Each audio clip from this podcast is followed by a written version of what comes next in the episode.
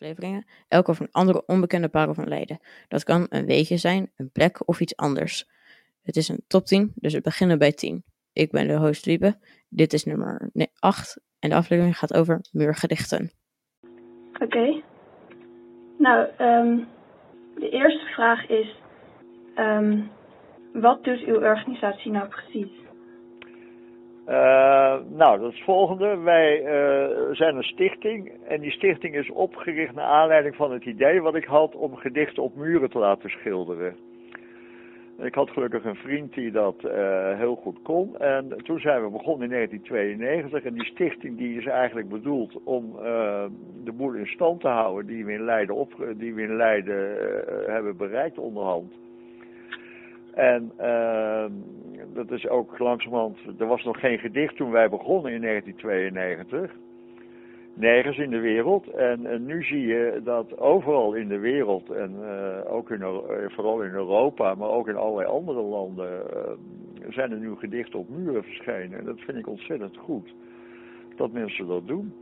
En wij hebben juist gekozen voor allerlei talen, omdat Leiden, er waren twee redenen voor, omdat Leiden zich afficheerde, de gemeente althans, en ik vond dat wel een goed idee, stad van vluchtelingen. En de tweede was de universiteit. En dat was ontzettend belangrijk, ook voor ons, omdat we allerlei talen die wij niet kenden, maar zij wel. Dus dat, uh, dat was geweldig. Dus daar hebben we ontzettend mee samengewerkt ook. En toen hebben we dit tot stand gekregen, 110 gedichten in, 101 gedichten in eerste instantie. En later zijn er nog twintig bijgekomen, maar er zijn er onderhand uh, weer tien verdwenen. Daar zijn we nu mee bezig om dat te restaureren. Dus wat houdt de stichting in? Verder deed de stichting ook nog. Die houdt dus contact met andere steden die ook iets willen, want ze willen graag weten hoe wij het doen. En wij deden ook poëzieavonden uh, bij, tegen, bij het stadhuis op het water. En dat was ook heel erg leuk, maar daar zijn we mee gestopt. Een aantal jaren geleden. Nou, verder zijn we ook in het buitenland hebben geopereerd, in Parijs, in Narbonne. En daar hebben we ook gedichten aangebracht. Dus we hebben wel wat gedaan. Ja, zeker. En dan heeft u een favoriet muurgedicht? Wat zegt u? Heeft u een favoriet muurgedicht? Nou, nee, dat heb ik eigenlijk niet. Uh, nee, dat heb ik eigenlijk niet. Want ik vind eigenlijk, dan ga je. Ik ben niet iemand van. Uh, dat is het beste gedicht en dat is. Nee, dat heb ik helemaal niet. Ik, ik, ken, ik heb geen beste gedicht. Ik vind gedichten die wij op de muur geschilderd hebben, waar wij achter staan. Ze zijn niet allemaal even goed, maar ze hebben alle, ze hebben alle, alle ruim honderd uh, hebben een eigen waarde. En ik ga niet zeggen dat is het beste gedicht of dat is het slechtste. Nee, dat begint, nee sorry, dat doe ik dus niet. Nee, dat is ik, ik ken te veel waarde toe aan de gedichten en aan de problemen die dichters hebben gehad. En dichters uh, met het maken ook van gedichten. Dus nee, ik ga geen ranglijstje maken. Maar je zegt dus dat sommigen echt wel... Uh bepaalde meningen hebben. Kunt u er een paar voorbeelden van geven? Van nou, ik ben nu bijvoorbeeld bezig met een. Uh, toevallig werd ik erop gewezen, maar dat gedicht moet nog op een muur komen. Uh, dat is wel een, een, een kenmerkend voorbeeld. Uh, gedicht van Paul Celan. En dat gedicht dat gaat over. Hij heeft ook in, in een concentratiekamp gezeten. Dat was een, een Roemeens schuin, ja, Roemeens-Joodse dichter. Later in, heeft hij in Duitsland en uh, in Frankrijk. En hij heeft, helaas heeft hij zelfmoord gepleegd. Maar hij heeft een gedicht over, de, over het concentratiekamp gemaakt. Nou, dat vind ik zo indrukwekkend. Uh, daar ben ik nu de hele tijd al mee bezig. Om te kijken of ik het 100% wil. dat is natuurlijk, wij zijn autonoom, dus we kunnen zelf bepalen wat we willen. Nou, daar ben ik dus de hele tijd mee bezig, eigenlijk al de hele winter, om te denken van, nou, wel of niet. En ik, nou, ik lees steeds over die dichter. Eh, nou, het is indrukwekkend uh, om het allemaal te lezen en ook zijn gedichten.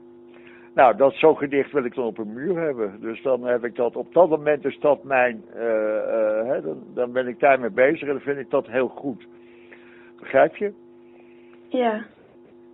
En hoe lang duurt het dan om zo'n gedicht op een muur te zetten? Nou, uh, het hangt er vanaf of we een goede muur kunnen vinden. Ik wil dat gedicht, wil ik, ken je Leiden een beetje? Ja, best goed, denk ik. Nou, je kent het Joods Weeshuis? ja. Nee, in de burgemeesterwijk geloof ik is dat. Eh, dat was het Joods Weeshuis en dus alle kinderen en het personeel is daar weggehaald in de oorlog. Dat is verschrikkelijk natuurlijk. En ik wil het daar in de buurt eh, eh, proberen dat we daar. eh, er zijn twee muren voor nodig en die moeten daar vlak in de buurt zijn. En dat lijkt me wel een goede. iets heel goed. En ja, nou, dat, dat, dat, ja, daar ben ik de hele tijd mee bezig om te praktiseren samen met een, soms met een collega, soms met een paar mensen die ook veel weten van poëzie. Nou, dat, dat vind ik dus heel erg leuk. Ja. En dan denk je, ja, dan kom je opeens op zo'n gedicht uit. En dan, eh, ja, dat is, eh, ja, zo prachtig mooi. Maar goed, zo, zo, eh, maar ik heb niet zo van, ja, voorkeuren. Nee, dat, elk, elk- als we weer een gedicht uitbrengen, denk ik, oh, fantastisch dat het erop staat. Ja. Dus we zijn ook begonnen in 1902. Ik zal even nog een stukje geschiedenis. In 1992 zijn we begonnen. Eh, met een gedicht van een Russische dichteres, eh, Marina Tsvetaeva. En dat vond ik, eh, nou, dat was gelijk. En dat hebben we precies aangebracht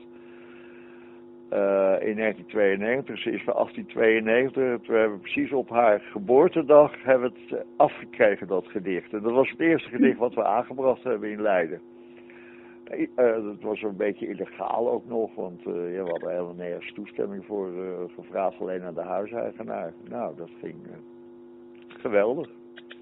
En zo zijn Ja. we eigenlijk een beetje, eh, ja, zo hebben we ze een beetje gedaan zo in de loop der jaren.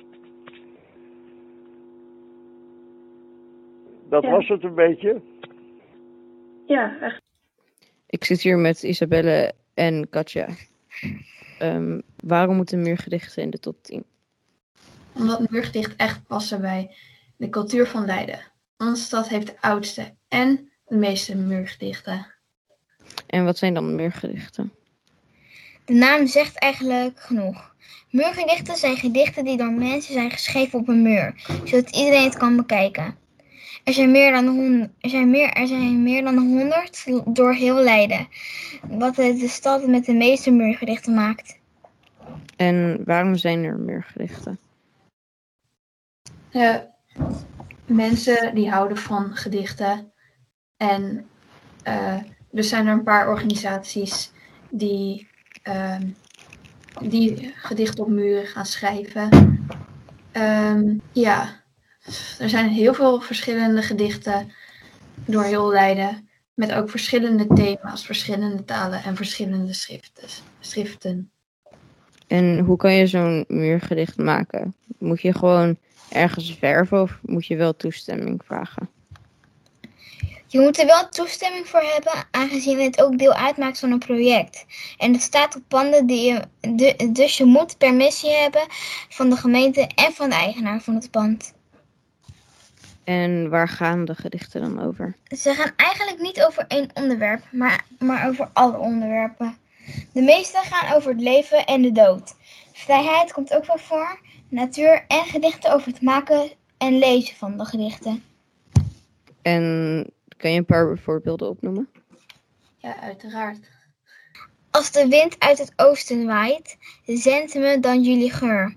Bloesems van de pruimenboom, jullie baas is weg, maar vergeet toch de lente niet. Eh, ja, het was eigenlijk. Ja, we vonden het wel een mooi gedicht. En we hebben ook nog een andere gekozen. En die gaat Katja nu voorlezen. Ja, ehm, hier komt die. Een schatrijke tuin die niemand betreedt, bewaakt met honden, roofgierig, vreed. Geen weet meer waarom, ook de meesters niet, maar zelfs wie nadert wordt steeds bespied. Wie omzichtig in het woud een voets- voetstap zet, hoort wachthonden hijgen. Zo is de wet voor slaafse dienaars, krankzinnige heren. Wie deze tuin indringt, zal nimmer keren. Ik vind het gewoon een heel mooi gedicht, ook goed geschreven. Het is mijn favoriet, denk ik.